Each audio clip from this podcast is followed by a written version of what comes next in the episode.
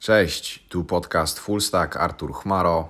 Witam bardzo serdecznie. W dzisiejszym odcinku chciałbym e, Ci opowiedzieć o tym, czym jest smart contract i dlaczego warto się zainteresować tą technologią. I zastanawiałem się w zasadzie, jak najprościej wytłumaczyć smart contract, e, bo oczywiście chcę, żeby jak najwięcej osób zrozumiało, czym jest właśnie smart contract. E, I wyszło mi, że w zasadzie najprościej zacząć od analogii, od porównania do czegoś, co większość osób już zna.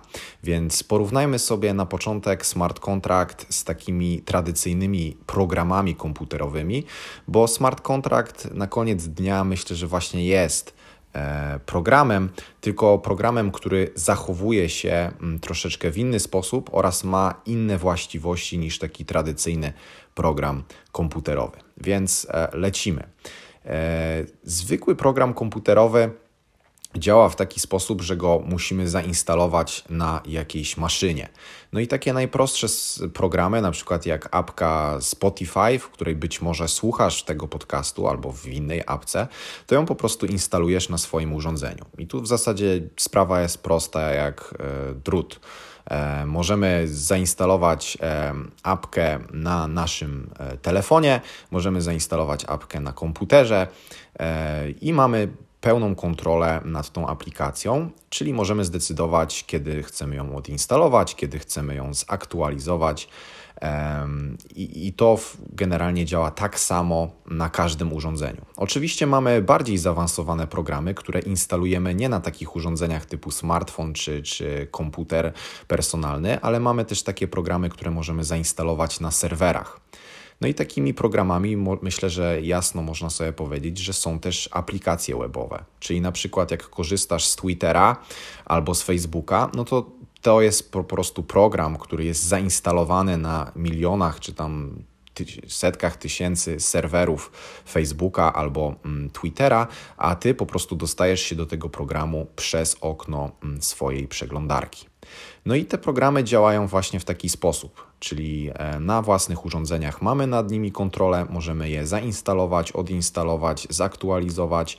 E, w przypadku aplikacji webowych, no to już troszeczkę mamy mniejszą kontrolę, bo po prostu mamy dostęp do tego, co nam udostępni dany podmiot, dana firma.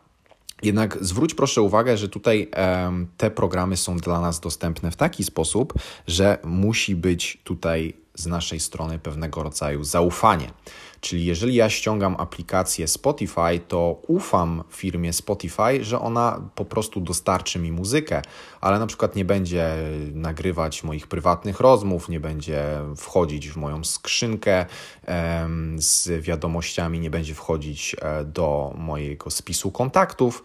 Po prostu ufam firmie Spotify, że w tym ich programiku będę miał głównie muzykę. Więc to są programy takie zwykłe, normalne, takie jaki każdy zna.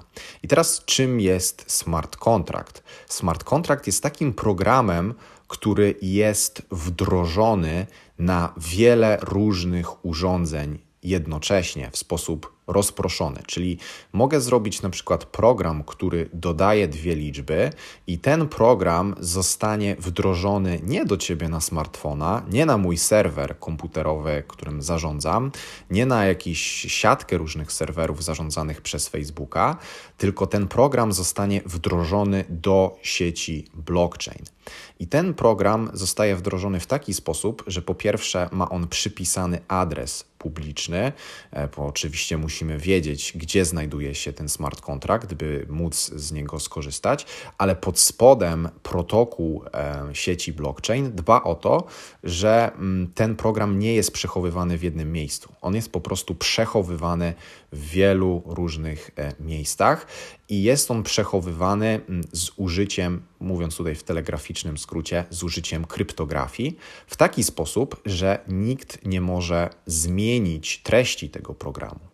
Oczywiście ktoś może pokusić się o to, żeby zmienić ten, treść tego programu, natomiast kryptografia to wtedy wykryje, ponieważ e, kryptografia działa w ten sposób, że możemy mm, składać podpis nad daną treścią. Jeżeli ta treść się zmieni, a w sieci mamy rozproszone te podpisy, to wtedy widzimy, że podpis się po prostu nie zgadza. Wiem, że to troszeczkę zagmatwane, wiem, że tu już w tym miejscu być może niektórzy wyłączą to nagranie i powiedzą, o czym on tutaj pierdzieli. E, natomiast e, smart kontrakty właśnie w ten sposób działają, czyli one nie są przechowywane na jednym serwerze, na jednym urządzeniu, tylko w wielu miejscach w sposób rozproszony i kryptografia dba o to, żeby ten program e, w tych różnych miejscach w tej sieci pozostał niezmieniony. Więc to jest jakby się zastanowić głęboko, bardzo fajna rzecz, że ten smart kontrakt nie może być zmieniony, bo e, po prostu w momencie, kiedy korzystamy z takiego smart kontraktu, mamy gwarancję tego, że mm, programista czy firma, która dostarczyła nam smart kontrakt, nie może zmienić reguł gry. Czyli w momencie, kiedy ja dostaję smart kontrakt, który na przykład pozwoli mi przesyłać pieniądze, albo pozwoli mi generować faktury, albo pozwala mi zawierać jakieś transakcje z innymi ludźmi, to w momencie, kiedy ja korzystam z tego smart kontraktu dzisiaj, mam pewność, że ten smart kontrakt będzie działał tak samo w przyszłości. Oczywiście są możli jest możliwość stworzenia smart kontraktu, który w pewien sposób się aktualizuje, jednak ty wtedy wiesz o tym na początku, jak już korzystasz z tego smart kontraktu. Czyli jakby użytkownik końcowy może zweryfikować, co robi dany kod. Oczywiście trzeba wtedy troszeczkę już być e, bardziej zaawansowanym użytkownikiem. E, trzeba zerknąć w taki kod i, i, i po prostu sprawdzić kilka rzeczy, mm, żeby wiedzieć, że faktycznie nikt tam nie może nas oszukać albo mm, zmienić czegoś. Natomiast trzeba pamiętać, że w takich tradycyjnych programach, nawet jeżeli mamy taką wiedzę, to nie możemy tego zrobić. Musimy po prostu zaufać Spotify'owi albo zaufać Facebookowi e, w tej właśnie kwestii. Natomiast e, tutaj w smart kontraktach wszystko jest transparentne, czyli po prostu możemy audytować um, przez zewnętrzne firmy albo przez zewnętrznych deweloperów, przez zewnętrznych ekspertów to, e, jak działa m, dany e, smart kontrakt.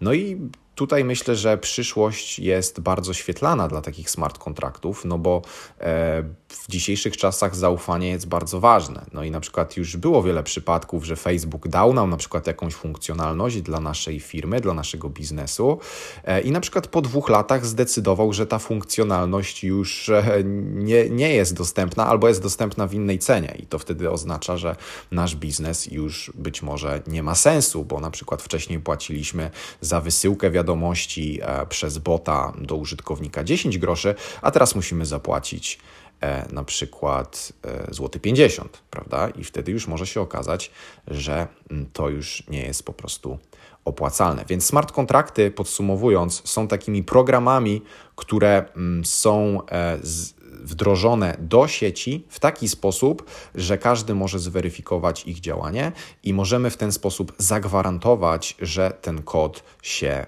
nie zmieni. Dodatkowo jeszcze możemy zagwarantować to, że mm, to, co jest zapisane w smart kontrakcie, to się po prostu wykona i żaden deweloper, żaden haker, e, jeżeli oczywiście smart kontrakt będzie zrobiony prawidłowo, nie może na to wpłynąć. Oczywiście błędy w smart kontraktach się zdarzają, ponieważ smart kontrakty są pisane przez ludzi. Więc e, to, że mm, one mają pewne właściwości, takie jak e, możliwość wrzucenia tego do blockchaina, jak możliwość weryfikacji, przez audytorów i, i, przez kryptografię tego smart kontraktu, to oczywiście są bardzo fajne funkcjonalności. Natomiast jeżeli ktoś spierniczy kod smart kontraktu, no to on jest po prostu spierniczony. Tak? No, tutaj jeszcze niestety nie doszliśmy do takiego momentu w historii, że możemy wrzucić e, smart kontrakt i mamy pewność, że on nie ma żadnego błędu.